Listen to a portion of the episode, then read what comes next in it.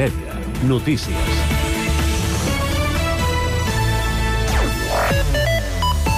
Bona tarda. El Departament d'Educació prohibirà a partir del curs vinent l'ús del telèfon mòbil als centres educatius a infantil i primària i només eh, el permetrà per a usos educatius a secundària. Així consta el document d'instruccions sobre el seu ús que ha aprovat aquest matí el govern. El text estableix que no està permès l'ús del mòbil a infantil i primària i afegeix que a secundària tampoc ho està en caràcter general, però sí per a usos educatius específics autoritzats, si així ho decideix el centre. De fet, Educació diu que serà el centre qui decidirà si l'ús queda totalment prohibit a secundària. El document concreta que els alumnes d'ESO hauran de pagar els dispositius en entrar al centre i se'ls retirarà si fan un ús indegut. És dimarts 30 de gener de 2024. També és notícia que Sant Cugat va registrar 2.442 donacions del banc de sang i teixits al 2023, un 32% més que l'any anterior. L'augment també s'ha produït en les donacions de plasma, que han crescut de les 112 a les 138. En el rànquing de donacions, al Vallès Occidental, el municipi se situa en quarta posició, només per darrere de Terrassa, Sabadell i Cerdanyola. En l'àmbit comarcal, les donacions s'han incrementat molt lleugerament fins a arribar a les 26.242, que representa un 0,1% més. El govern ha convocat per aquest dijous 1 de febrer la Comissió Interdepartamental de Sequera per declarar l'emergència al sistema Ter Llobregat. Els embassaments d'aquest àmbit han caigut per primera vegada per sota dels 100 hectòmetres cúbics al llindar marcat per declarar la primera fase d'emergència segons el Pla d'Especial de Sequera. Les reserves estan ara al 16,3%, però la previsió és que en els propers dies es baixi del 16%, ha indicat el portaveu, la portaveu del govern, Patricia Plaja, que ha explicat que la situació crítica ha forçat aquesta reunió extraordinària de dijous on es valorarà l'escenari i molt probablement es decretarà l'emergència. I el Departament d'Acció Climàtica ha desactivat aquest matí l'avís preventiu per contaminació atmosfèrica pels nivells de partícules PM10 als 40 municipis de la conurbació de Barcelona on s'integra Sant Cugat. L'avís es va activar divendres passat. La Direcció General de Qualitat Ambiental i Canvi Climàtic ha comprovat que els nivells de PM10 estan disminuint a totes les estacions de la xarxa de vigilància. La previsió per avui indica que els nivells d'aquestes partícules no superaran el valor límit diari. Res més per ara. La informació torna d'aquí una hora a la mateixa sintonia i constantment a internet a www.cugat.cat.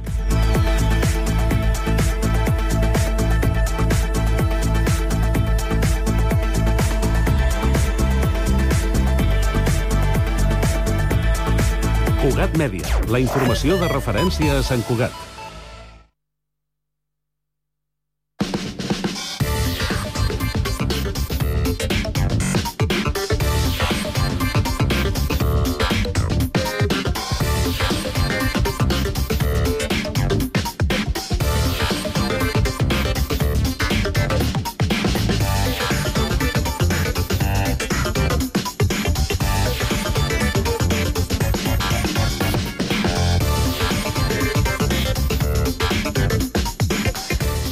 Tarda, 4 minuts, inici de la segona i última hora d'aquest Connectats de dimarts. Anem amb la informació del servei i avui comencem pel Transmet. Anem a comprovar com funciona el transport públic. Héctor Molina, bona tarda. Doncs avui dimarts seguim parlant de normalitat a la xarxa de transport públic de l'àrea metropolitana, on els principals operadors de transport no han informat de cap incidència i tot funciona segons els horaris planificats. Aprofitem per recordar que es manté tallada la R3 entre Parets i el Figaró i en aquest tram el servei es fa per carretera, on els horaris poden variar i també la R4 romandrà tallada entre Sant Vicenç de Calders i Vilafranca del Penedès fins al 16 d'agost cada setmana de dilluns a divendres a les franges horàries de 8 del matí a 19 del vespre i de dos quarts de 10 a dos quarts d'11 de la nit. De moment, això és tot des del Transmet.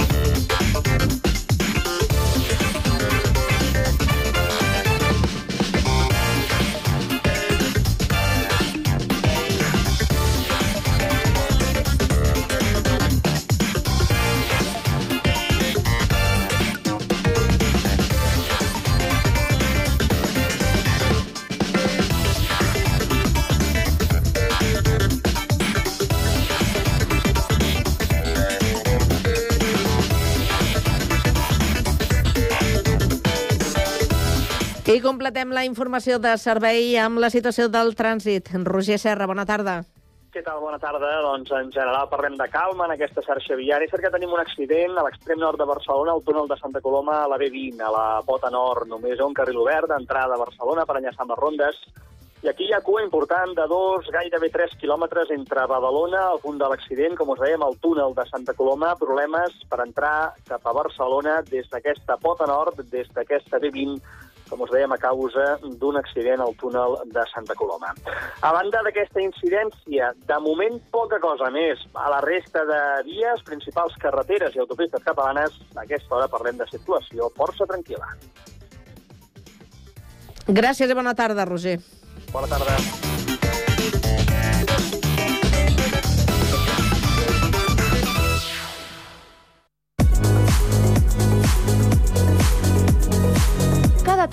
946 Connectats. Una experiència radiofònica a Sabadell, Terrassa, Sant Cugat, Castellà, El Prat i Badalona.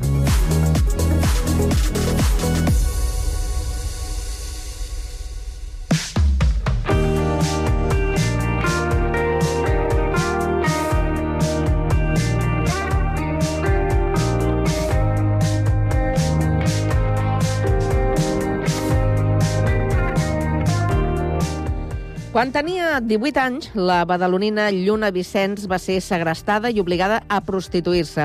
Ella és escriptora i en el llibre Mercancia robada explica la seva història.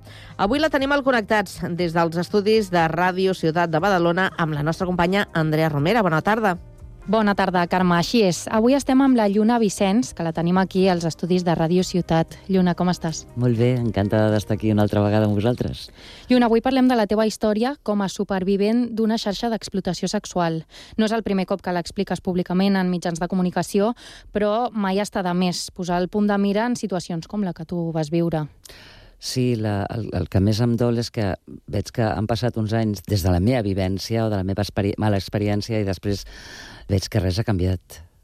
Això fa 36 anys, quan tu tenies 18. Uh -huh. Acabes l'institut i després de, de fer la selectivitat volies eh, començar a treballar perquè no tenies clar què volies estudiar.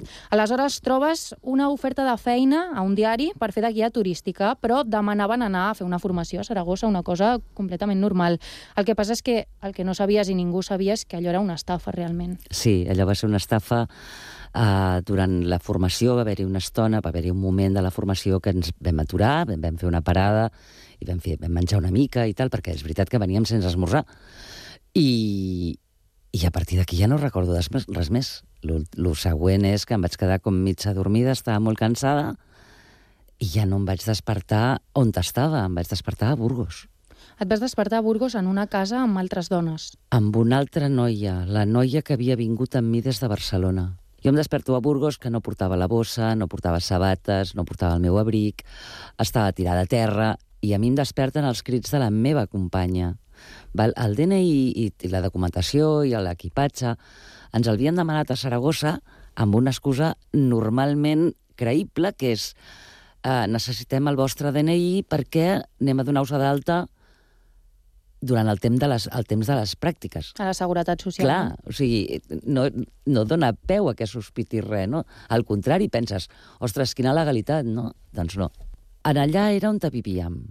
Uh, exercir la prostitució com a mi em van obligar va ser, era amb un club de carretera com trobem, per desgràcia, a qualsevol carretera comarcal o nacional d'aquest país. Quant de temps vas ser-hi en aquella casa i també obligada a anar en aquell club? Un mes, fins que vaig escapar-me. I durant tot aquest mes vas tenir contacte amb la teva família o amb la gent d'allà fora? Sí, vaig tenir contacte amb la meva família sota supervisió. O sigui, ens feien trucar a casa, o em feien a mi, trucar a casa per no despertar sospites i que la família no es, no es preocupés. Aleshores tu et veies obligada a dir que estava Va ser tot la bé. primera vegada que vaig mentir a la meva mare. Suposo que no se t'ha oblidat. No, Has comentat diverses vegades en altres mitjans de comunicació que la policia molts cops estava allà. sí. Uh, Policia Nacional i Guàrdia Civil, vestits d'uniforme, no? Davant d'aquella situació, d'aquella visió, tu penses, a qui haig de demanar ajuda? Qui, qui m'ajudarà? A més, sota amenaça. O sigui, sapiguent que perquè a més a més ho explico en el llibre clarament, de dir, tot el que facis, amb qui parlis, a on vagis, el que diguis, aquest senyor, que es diu Pablo, que és el proxeneta, sabrà on vas, amb qui estàs i el que has fet. I és el detonant de que jo me'n vagi, perquè en una tarda jo sentia una immensa necessitat de parlar amb la meva mare, uh, vaig anar, vaig trucar-la per telèfon, ell ho va saber perquè el van avisar, i quan va arribar a la casa a mi em va clavar una pallissa i vaig dir, és l'última que em pegues. I l'endemà de matinada me'n vaig anar. Vas aconseguir escapar, però quan vas arribar a casa no va acabar tot.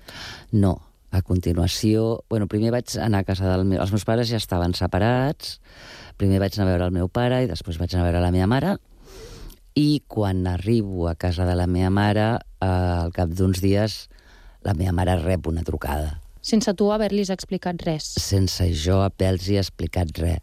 Ma mare va... Els meus pares van sospitar que alguna havia passat, però jo no havia dit res. O sigui, la vergonya és immensa, la que sents. I, i la por, o sigui, si la policia estaven allà, on havia de denunciar, què havia de dir? I sobretot la vergonya que jo faria passar als meus pares. Els meus pares no havien tingut que jupir el cap mai per mi. A més, és una situació que tu no t'has buscat, Exacte. que t'han ficat allà, però tot i així et fa sentir avergonyida. Sí, no sé, la mateixa societat, la mateixa societat és, és molt punyetera, és, és... Jo crec que és la primera en jutjar. O sigui, a data d'avui, després d'haver escrit el llibre, a mi encara se m'ha preguntat i per què no has denunciat? Perdoneu. O sigui, estem parlant de 36 anys enrere i a data d'avui encara em pesa tenir que parlar-ne de tot això. I en parlo perquè crec que és necessari que, que donar veu no només a la meva d'història, sinó a moltes altres persones que estan en la mateixa situació i que han viscut en la mateixa situació. O sigui, mm, hi ha una cosa que no m'agrada que em diguin i és tu has estat víctima. No, jo sóc una supervivent, que és molt diferent.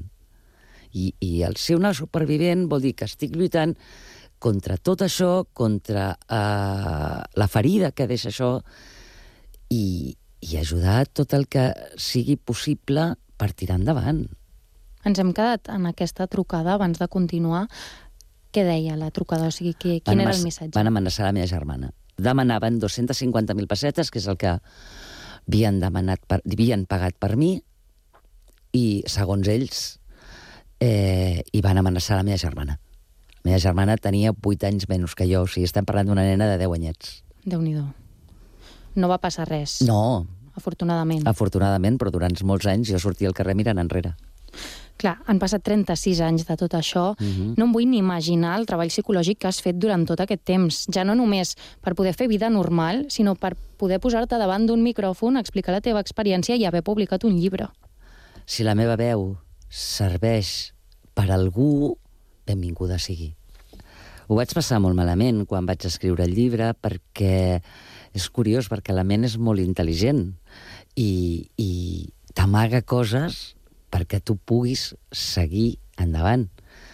I el fet de posar-me a escriure a Mercancia Robada, que per cert, al setembre es presentarà a la Fira del Llibre en català sota un altre títol, a la front... No me'n recordo bé, eh, perquè hem canviat el títol i no me'n recordo massa bé. Em sembla que és La frontera de l'adolescència i de les mans de l'Obrador Editorial. I estaré a la Fira del Llibre en català i es presentarà segurament, o almenys hi ha la intenció de que es presenti en allà. Mm, la veritat és que et remou molt i jo puc parlar-ne i em sento molt forta cada vegada. És una bona senyal, perquè el fet de que tu puguis parlar-ne sense sentir-te malament o sense, sense sentir-te responsable és, diguem-ne, que entra dintre de, del procés de curació, no? I, i de- i de- tancant ferides. Jo sempre he pensat, uh, són ferides que no s'acaben de tancar mai, però jo crec que cada vegada que li poso veu, la pedra que porto a la motxilla pesa menys. I, i sobretot m'aferro a això, no? A que pugui servir d'ajut a algú. Però sí, després, al cap d'uns dies... Perquè, a més a més, jo sóc una persona que me n'aniré d'aquí quan acabem l'entrevista i jo tornaré a recordar tot el que hem parlat, tot el que hem dit, i em costa uns dies tornar a refer-me un altre cop. Què és el que et va moure a escriure aquest llibre, el que et va motivar? Doncs mira, un viatge que jo vaig fer amb el que és el meu mestre, el José Luis Muñoz, és escriptor i un referent en el gènere negre en aquest país, uh, i quan anàvem a la Fira del Llibre de Valladolid i uh, resulta que mm, jo no sabia que el tren passava per Burgos. I quan ho anuncien per megafonia, clar, jo em quedo mirant al José Luis i li dic ¿pasamos por Burgos? I em diu, sí. I em diu, Lluna, què te passa? T'has quedat com... Se t'ha desencaixat la cara. I llavors li vaig explicar. Li vaig fer cinc cèntims. No li vaig explicar tot. I, i em va dir, mm, això ho hauries d'escriure-ho. Ho hauries d'escriure perquè, a més a més, treure-ho crec que et faria bé.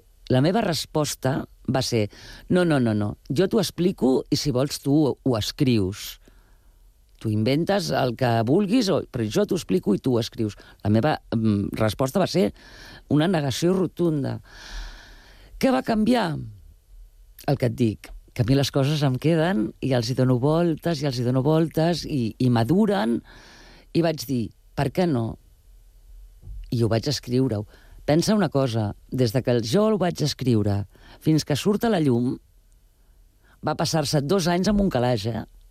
Et feia por, en certa manera, Sí, exposar-te així. Sí, de fet, jo ja ho havia parlat amb l'editorial, l'editorial va dir que estava molt interessada i, eh, bueno, quedem amb que li haig de portar, que li haig d'enviar el, el PDF per, per, per mail i un diumenge a la nit em truca l'editora i em diu, Lluna, què passa? I li dic, pues que no sé si publicar-ho. Dic, perquè com encara no tinc signat cap contracte, no em comprometo, o sigui, no em compromet amb res a l'editorial. I llavors ella em va donar l'opció de dir, mira, sabem que és una història verídica, que no és un fet real eh, novel·lat, però també el podem passar com a ficció documentada o simplement com a ficció. Llavors jo vaig parlar amb els meus fills i vaig parlar amb el meu home. I va haver-hi una reunió. I, I llavors vam parlar-ne i els vaig dir "Mm, em donen aquesta opció. I recordo la, la resposta de l'Oriol, del petit, sobretot, que em va dir mama, tu no has de jupir al cap davant de ningú. No et sembla que ja les he jupit prou? I el gran igual, el Marc, va dir mama, el cap ben alt i endavant. I tenint el suport de les tres persones més importants de la meva vida, perquè per desgràcia els meus pares ja no els la tenia, vam dir endavant. Doncs és d'agrair, Lluna, la teva decisió, també l'ajuda que et van donar els teus fills, perquè gràcies a haver publicat aquesta història pot servir de referent per moltes dones que malauradament han passat pel mateix, perquè a més la teva experiència demostra que tots estem exposats a que ens passi una cosa així. Sí, perquè normalment casos així sempre eh, s'acaben relacionant i crec que no està bé. Eh, que per desgràcia és la majoria de vegades són dones eh, o noies amb situacions econòmiques eh, bastant delicades, eh, dones amb, o noies amb situacions precàries, llavors sembla que n'abusen. A veure, o, o, o noies que venen de famílies desestructurades, de poblacions eh, bastant derruïdes i tal. El meu cas no era aquest. Vale? Els, meus, els meus pares estaven separats, però jo no venia d'una família desestructurada, ni molt menys. Jo tenia estudis, era una persona preparada, dintre dels meus 18 anys.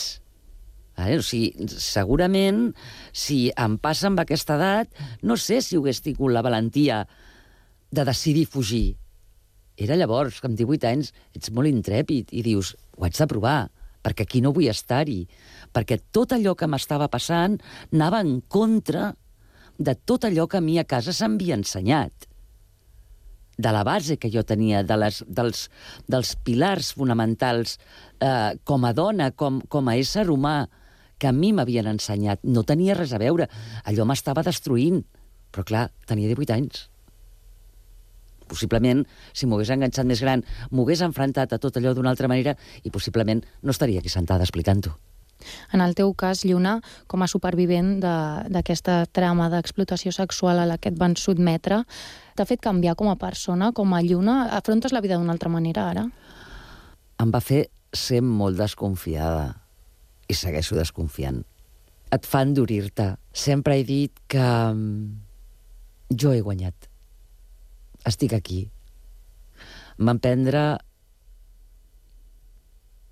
la riquesa de l'adolescència, l'aprenentatge, el, el descobriment de moltes coses, no? Ho van prendre. Però no han pogut amb mi. Estic aquí, encara somric. Tinc dos fills meravellosos, tinc un marit extraordinari, una persona que està al meu costat sempre, que més projectes de vida. No puc demanar res més. Doncs, Lluna, amb aquesta frase tan bonica que has dit, que és jo he guanyat, ens hem d'acomiadar, però abans de tancar l'entrevista t'hem demanat una cançó i tu has triat Gràcies a la vida, de Mhm. Mercedes Sosa. Gracias a la vida que me ha dado tanto, me dio dos luceros que cuando los abro, perfecto distingo lo negro del blanco y en el alto cielo su fondo estrellado y en las multitudes del hombre que yo amo. Gracias a la vida que me ha dado tanto, me ha dado el oído que en todo su ancho graba noche y días, grillos y canarios, martillos, turbinas, ladridos, chubascos y la voz tan tierna de mi bien amado. Perquè aquesta cançó és el que dic cada dia. Gracias a la vida. Perquè tot el que em va passar no ho ha fet la vida.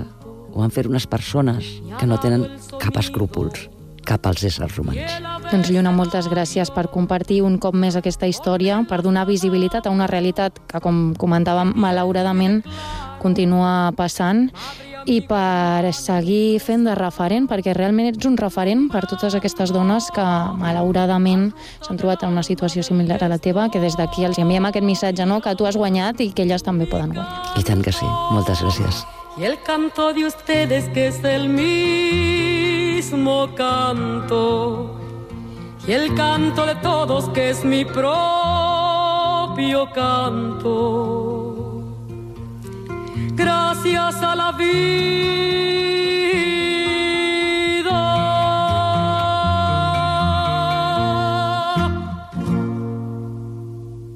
La lluna es posa vermella quan descobreix el teu art. I ens hi posem tan fort que portaríem la vida a mar. Quan els dos som un,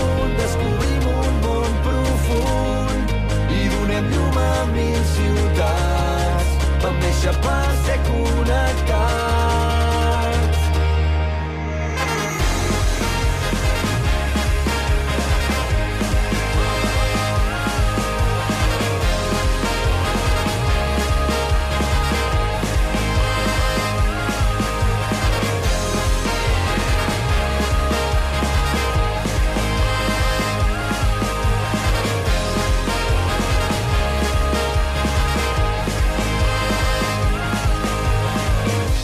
connectats. Amb Carme Reverte.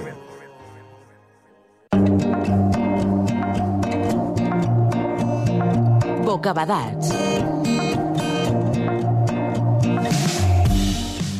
Aquest podcast és una producció del Prat Ràdio.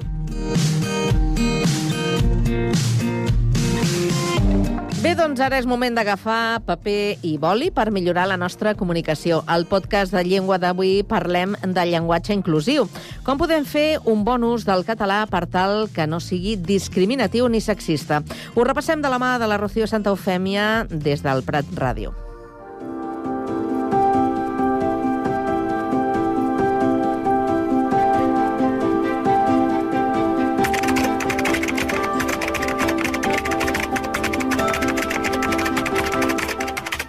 Històricament hem utilitzat el masculí genèric al llenguatge per referir-nos als homes i les dones, però des de fa un temps s'ha posat sobre la taula la importància de fer servir un llenguatge inclusiu, no discriminatiu i no sexista. Tot i que cada vegada és més habitual veure la seva aplicació, encara sorgeixen dubtes de com fer un bon ús de la llengua en aquest sentit. És millor desdoblar paraules o utilitzar paraules neutres? Doncs per parlar de tots aquests dubtes ens trobem un dia més amb l'Assumpta Codinac del Centre de Normalització Lingüística del Prat de Llobregat. Assumpta, molt bona tarda. Bona tarda. Aquest és un tema que sí que és cert que cada vegada eh, se'n parla més i s'està començant a aplicar més, però fa uns anys era gairebé impensable no? parlar d'això de, de llenguatge inclusiu, directament utilitzàvem el masculí per tot sí. i ja està. A veure, primer de tot, eh, quan parlem de llenguatge inclusiu, estem parlant d'un llenguatge que, que fa referència a col·lectius que tradicionalment han estat discriminats eh, per la societat. I com que la llengua és un reflex del que passa a la societat, si la societat discrimina uns determinats col·lectius, això es manifesta també a través de la llengua, no?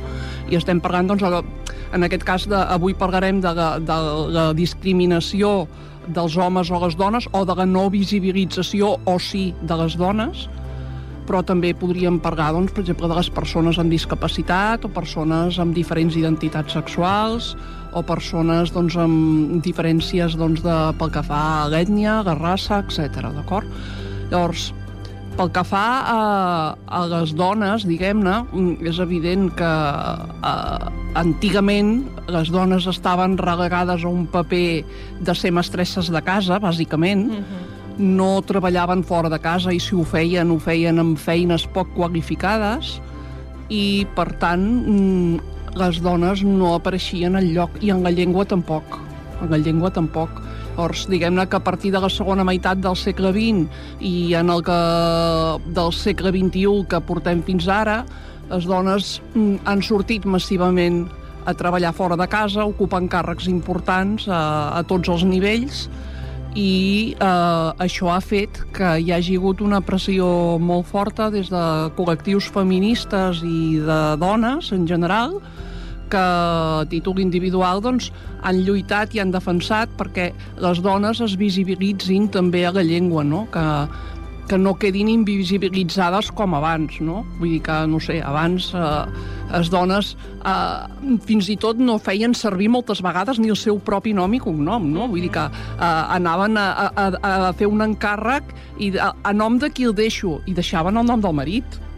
Vull dir, fins a aquest punt, no? Vull dir, i ara, doncs, no. Vull dir, en aquest sentit, les dones ens hem empoderat i, i volem ser representades a, a, a través de la llengua.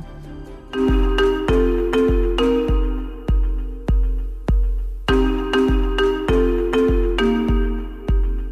Moltes vegades evolucionar en temes com aquests és precisament desaprendre, no? A lluitar contra el que hem après i el que estem acostumats i acostumades i a vegades costa com fer aquest, aquest canvi de mentalitat precisament per tota la trajectòria que portem, però sí que és cert que per sort cada vegada és un tema que està més interioritzat, la importància també d'utilitzar un llenguatge inclusiu, com bé deies, per no discriminar a, a ningú, ni per gènere, ni per condició, exactament, ni per res. Exactament Exactament. La llengua, per sort, ha anat evolucionant i és el que dius tu, n'hem hagut d'anar aprenent, eh? perquè incorporar les dones eh, en la llengua, diguem-ne, sense contravenir les normes lingüístiques, de vegades també ha sigut una mica complicat perquè, bé, per exemple, en català doncs, tenim, com en la majoria de llengües eh, romàniques, el que s'anomena masculí genèric.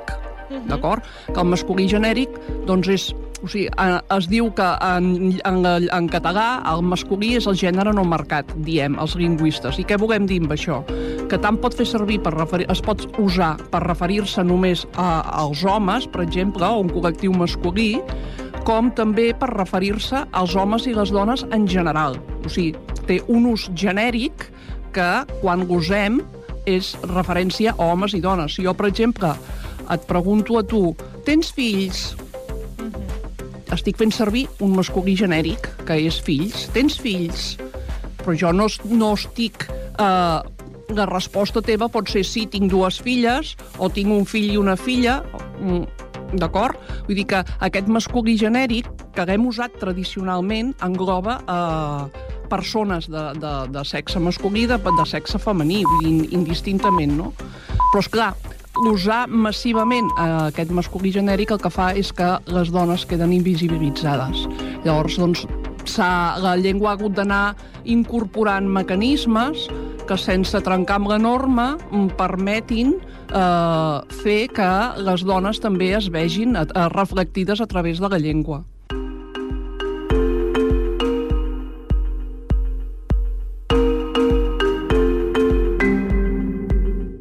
Seria incorrecte lingüísticament fer-ho en femení? En algunes ocasions, utilitzar un femení Sí. genèric, diríem? És incorrecte.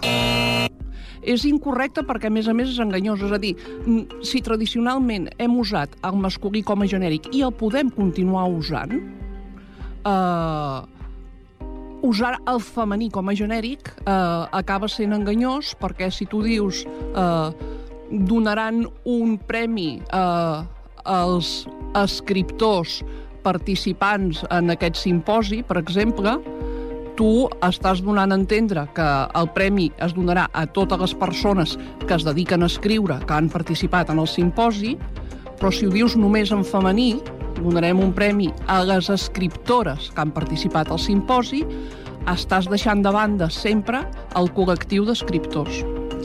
Llavors, això, això ho tenim com conceptualment mm, està interioritzat dintre dels nostres caps i ha funcionat tota la vida així. I de moment no ha canviat. I per tant, eh, hem d'anar amb compte amb això perquè el, femení genèric um, no existeix, diguem-ne. Hi ha hagut intents d'usar-lo, però so, so, acaben sent construccions molt forçades i que, i que a més a més, que enganyen, que es, es presten a que hi hagi dobles interpretacions, cosa que no passa amb el masculí.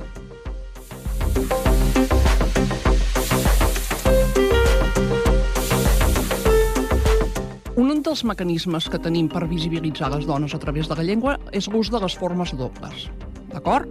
Vull dir que dius els treballadors i les treballadores. Què passa? Que això depèn de quin tipus de text eh, ho facis servir, pot acabar eh, sortint un text molt carregat. Llavors, de mica en mica, s'han anat creant altres mecanismes també per dir-ho, i com bé deies tu, per exemple, en lloc de dir els treballadors i les treballadores, que està ben dit, però esclar, si t'apareix eh, en, en, en un mateix text 10 vegades, doncs eh, tant desdoblar s'acaba fent feixuc, no? Doncs llavors pots jugar una mica amb expressions sinònimes, com pot ser el personal o la plantilla, eh, les persones que treballen, etc. Aquí també eh, la paraula persona dona molt de sí, de fet s'utilitza molt, eh? vull dir, les persones interessades, en lloc de dir l'interessat o l'interessada, les persones interessades. Eh, aquí s'ha d'anar en compte, per exemple, que hi ha una expressió que s'utilitza molt i que, i que és ambigua i, i a mi personalment no m'agrada ment, que són les persones treballadores. De vegades, quan corregeixes, o jo, per exemple, que corregeixo documents, doncs et surt un document d'una empresa, d'una memòria anual i no sé què, i les persones treballadores eh, són tantes. Mm, No, les persones treballadores, clar, vull dir, el concepte persona treballadora també es pot oposar al concepte de persona ganduga. Que llavors, referir-se a dir persones treballadores per referir-se a les persones que treballen en una empresa, doncs, eh, des del punt de vista lingüístic, mm, no està bé, no queda bé. Llavors hem de posar el personal o la plantilla eh, o els treballadors i les treballadores, per què no?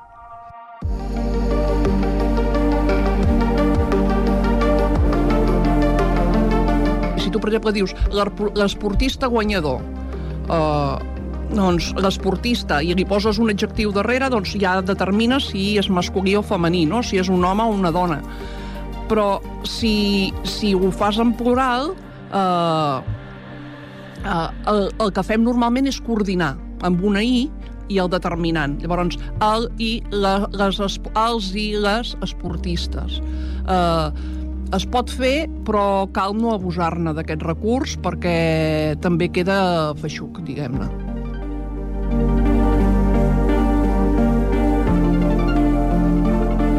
Jo amb el cas de, de, de quan l'apòstrof és, és, uh, no m'acaba de convèncer això tampoc, eh? vull dir, els treballadors i les treballadores. La concordança, quan, el, o sigui, quan hi ha al darrere un adjectiu, per exemple, els, els socis i sòcies casats, d'acord? Uh, mm, aniran al sopar, per exemple. Doncs aquest casats, quan coordinem dues paraules amb una i, uh, l'adjectiu que va al darrere normalment ha de ser en masculí. Uh -huh. encara que acompanyi un nom femení. És a dir, jo puc posar els socis i les sòcies casats o puc posar les sòcies i els socis casats. D'acord? Però si, si faig la concordança en femení, passa el que dèiem abans. És a dir, si jo estic dient els socis i les sòcies casades i faig la concordança en femení, s'interpreta que són tots els socis uh -huh. i les sòcies només les casades.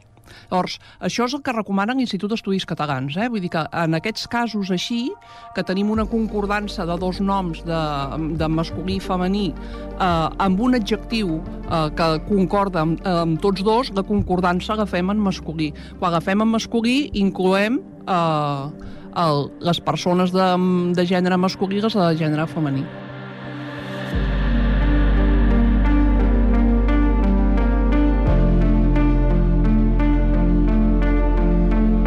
Hi ha un llibre que es diu Marcar les diferències, la representació dels homes i les dones a través de la llengua, que, que, que està força bé i que té, té bastant, o sigui, bastant material en relació amb això i possibles solucions.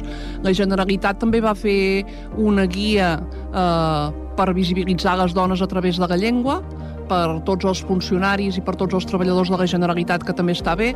Després, eh, a l'Optimot, eh, també si busques fórmules d'aquestes i fas una cerca per criteris, moltes vegades també també ho trobes, eh? també s'hi pot accedir perquè eh, en fitxes fragmentades, diguem-ne, per, cada, per cada cas concret, però també és possible arribar-hi. Sí, sí, sí, i les universitats tenen guies, eh, hi ha molts organismes que, que es dediquen a la comunicació, diguem-ne, que tenen penjats a internet, eh, tenen penjades diferents guies per, que tracten tots aquests temes.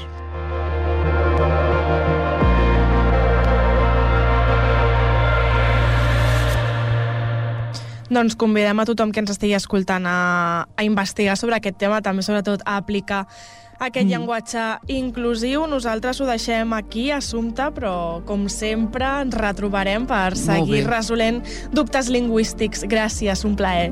De res a vosaltres. Adeu.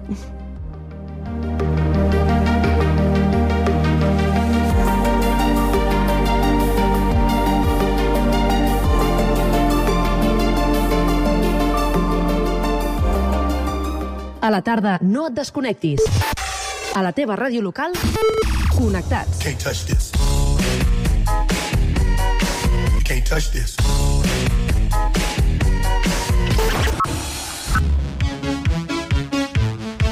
Can't touch this. Can't touch this. Connectats amb Carme Rebell.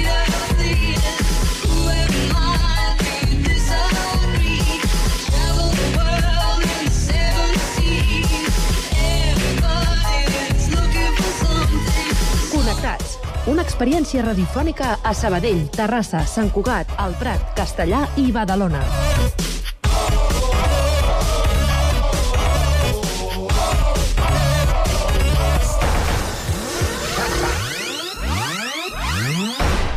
Hola, bona tarda. Us voldria comentar eh, un llibre que acaba de sortir del forn, justament el teníem la setmana passada, que és Ara soc un llac, de l'autora castellarenca Natàlia Cerezo, eh, publicat Editorial Empúries. És un llibre mm, d'unes 140 planes, eh, són cinc relats, i, per exemple, l'autora ens port, porta el lector a un hospital de Taipei, esperant que un amic surti del coma, ara condueix el lector pels llacs passadissos de casa l'àvia o el situa en un balneari on dues germanes bessones troben a faltar el seu pare. En els temes que tracta justament Ara sóc un llac, Natàlia Cerezo doncs, parla de la joventut, l'amistat, els misteriosos lligams familiars, els aquells estius dels càmpings, aquelles malifetes que fèiem a les escoles o, o què sé jo, per exemple, interrompre el pas de les formigues amb el seu peregrinatge cap al seu niu.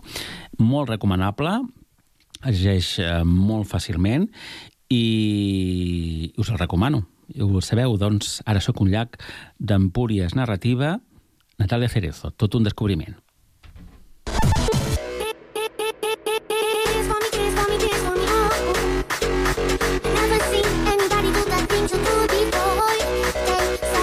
Connectats, una experiència radiofònica a Sabadell, Terrassa, Sant Cugat, El Prat, Castellà i Badalona.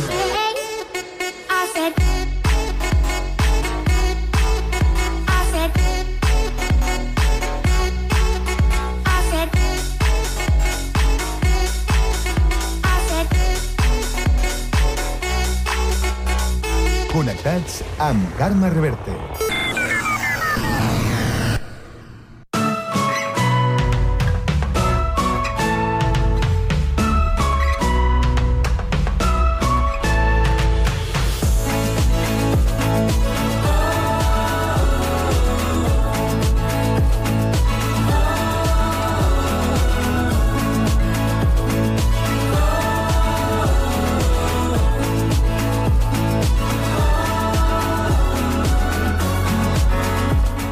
Unes hores s'inaugura l'exposició La Voz de Lilo a l'Espai Batúlia de Badalona. La mostra bidirecta des de Saragossa de la mà del col·lectiu d'artistes tèxtils Motainai ZGZ. En parlem amb la comissària de l'exposició, Mercy Rojas, que ens atén des dels estudis de Ràdio Ciutat de Badalona amb la nostra companya Andrea Romera. Molt bona tarda de nou.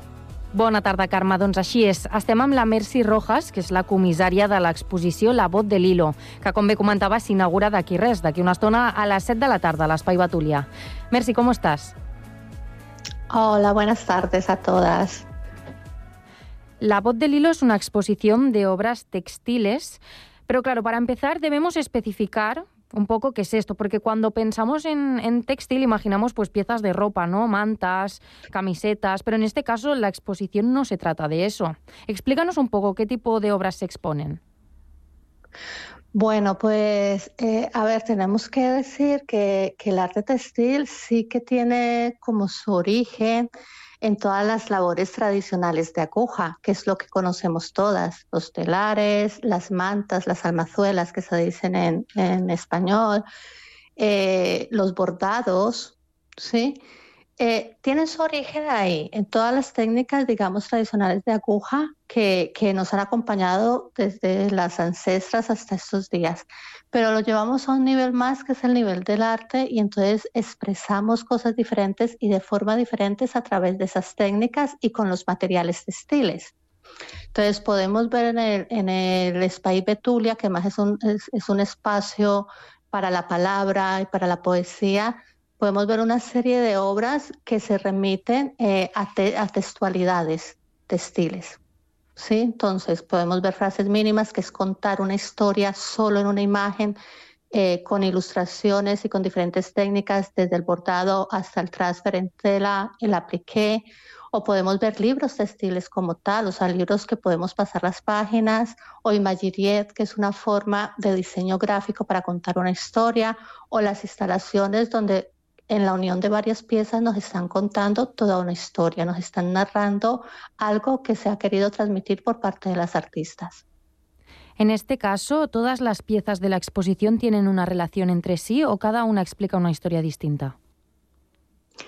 Es muy curioso porque muchas de ellas sí que se hablan entre sí, ¿sabes? Tienen, tienen eh, historias, historias parecidas como historias de migración, historias de exilio, eh, pero también hay, hay muchas, muchas historias allí que, que son diferentes. Por ejemplo, podemos ver un libro que nos cuenta la historia de para qué sirven las diferentes lanas que se producen en el territorio español. ¿Sí? En un libro infantil con ilustraciones como para niños, pues esa historia nos cuenta, nos cuenta eso. O también historias que nos cuentan, por ejemplo, que nos vienen desde Galicia y nos cuentan todo el entorno eh, de los filandones gallegos, o sea, de las reuniones de mujeres gallegas. Entonces, tienen que ver en cuanto a, a su, a su textualidad, por decirlo así, a su, conten a, su, a su materialidad y a su forma de contar.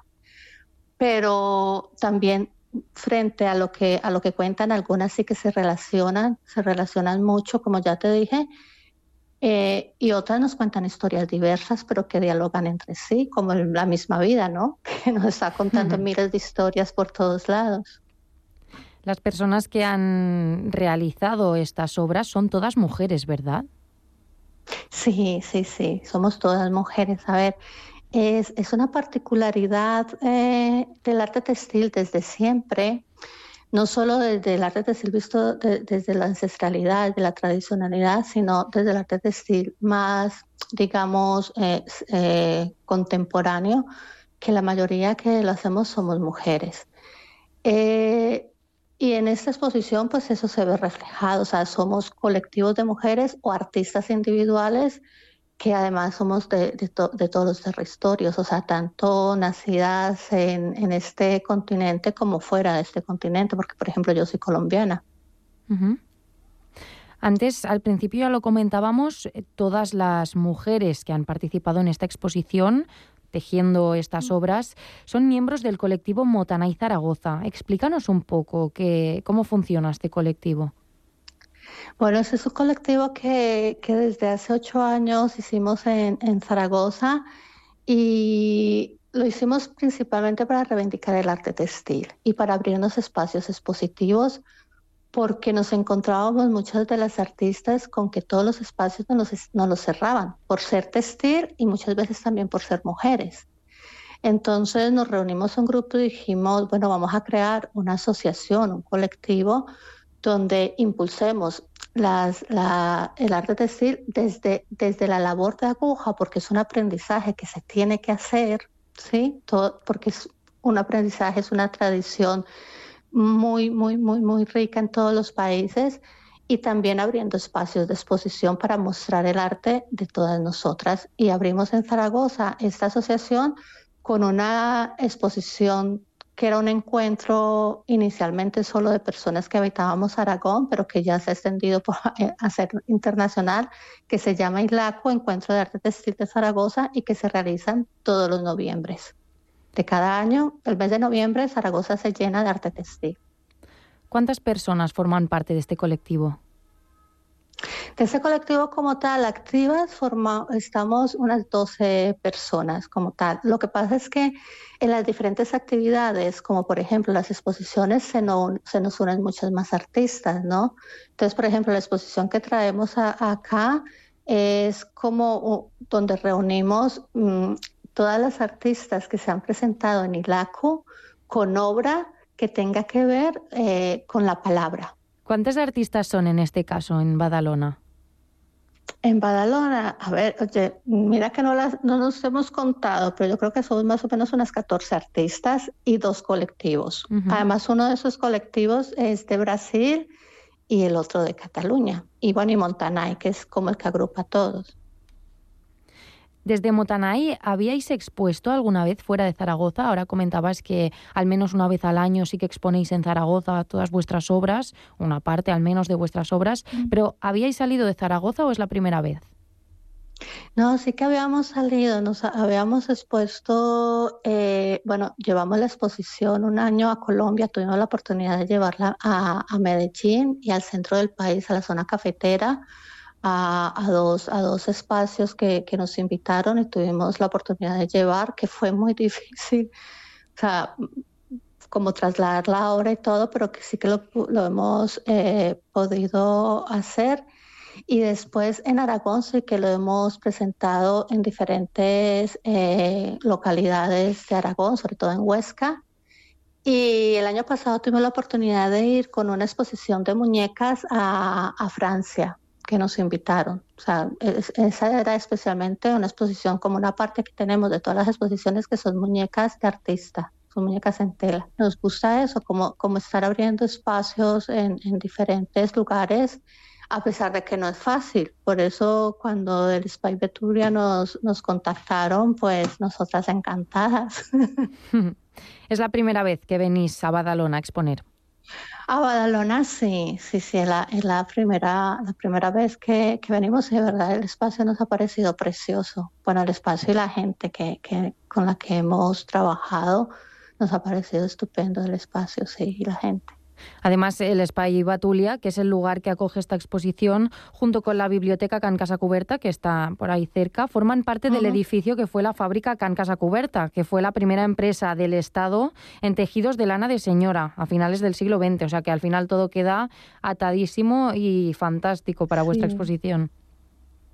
Sí, además es como, como, como, como volver a, a o, que el lugar vuelva a tener a las habitantes como naturales, ¿no? Como rindiendo un homenaje también como a toda esa tradición industrial que tiene Badalona y que tiene Cataluña con relación al, al textil. Entonces, a mí, por ejemplo, eso me dio mucha alegría cuando supe que además ese espacio había sido una fábrica textil y que además mm, lo que digo, o sea, que, que Cataluña ha sido muy importante en la historia eh, industrial del, del país eh, en cuanto a los textiles. O sea, Cataluña y, y, y, Galicia son como dos puntos neurálgicos y eso se ve reflejado además en todas las exposiciones que hacemos, porque muchas de las artistas vienen de estas dos regiones. Es como algo que se lleva, no sé, es, es, muy, es muy raro porque es algo como se lleva.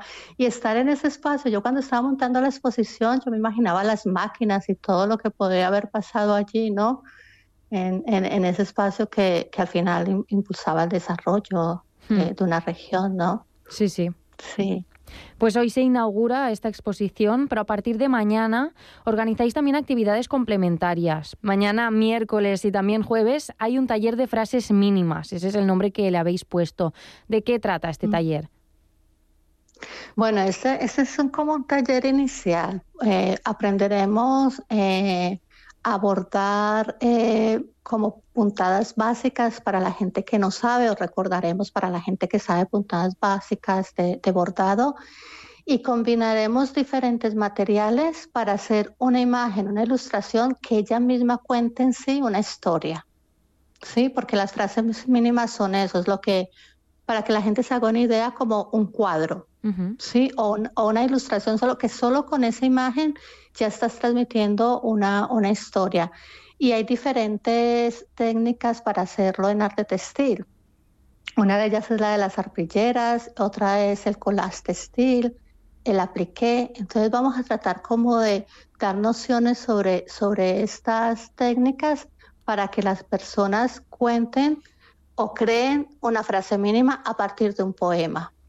¿Sí? Porque además estamos en un espacio que es, que es de poesía, entonces como para que, para que se refleje ahí. Eh, y eso es, o sea, es trabajar con diferentes materiales y con diferentes técnicas textiles de las cuales daremos nociones, o sea, no profundizaremos, pero daremos nociones para poder crear esa, esa, esa frase mínima. Otra de las actividades que también ofrecéis próximamente es la proyección del, docu del, documental Del corazón a la mano, Resistencia textil en Colombia. ¿De qué trata este documental y, por qué decidís eh, proyectarlo? Pues ese es un documental que hicieron unas compañeras de Montaná y Zaragoza, Indira Vega y Eric Guillén, el año pasado que se fueron a recorrer Colombia.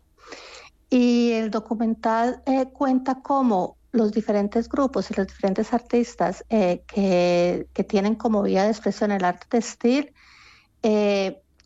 hacen como una mediación comunitaria, por decirlo así, con todos los problemas sociales que se presentan en el país, cómo los vivencian y cómo desde el arte puedes transformar también y puedes expresar lo que pasa en una sociedad.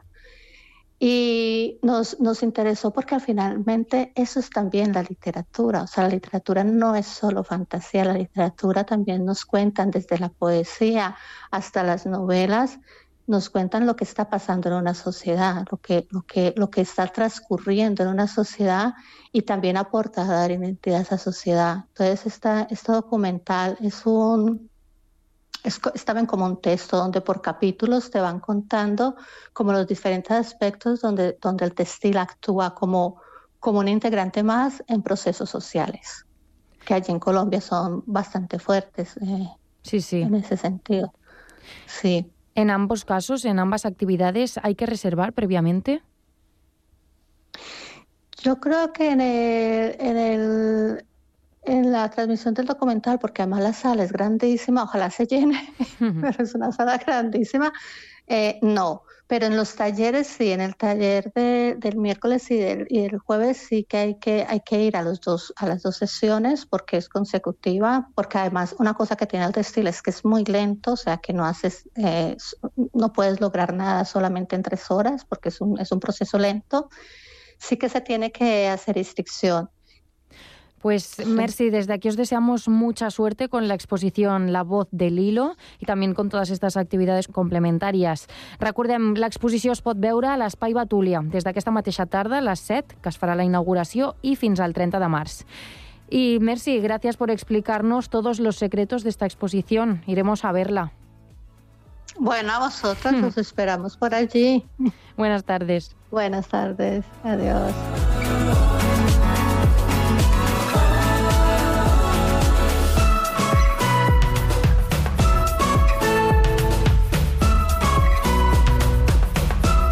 Bé, doncs una altra proposta interessant en acabar aquest eh, Connectats de dimarts. Ja sabeu, l'exposició s'obre avui, però si us acosteu, si us va de pas acostar-vos fins a Badalona, ja sabeu que teniu aquesta opció.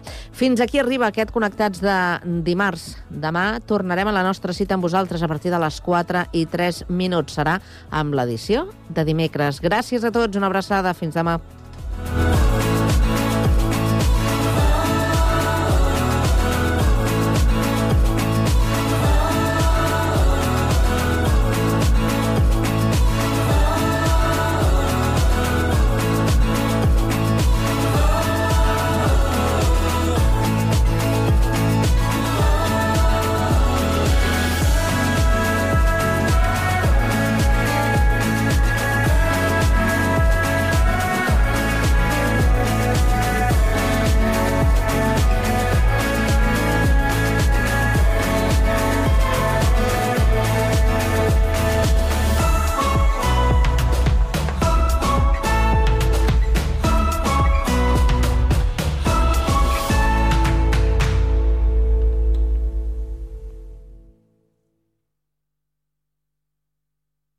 Música local a Ràdio Sant Cugat.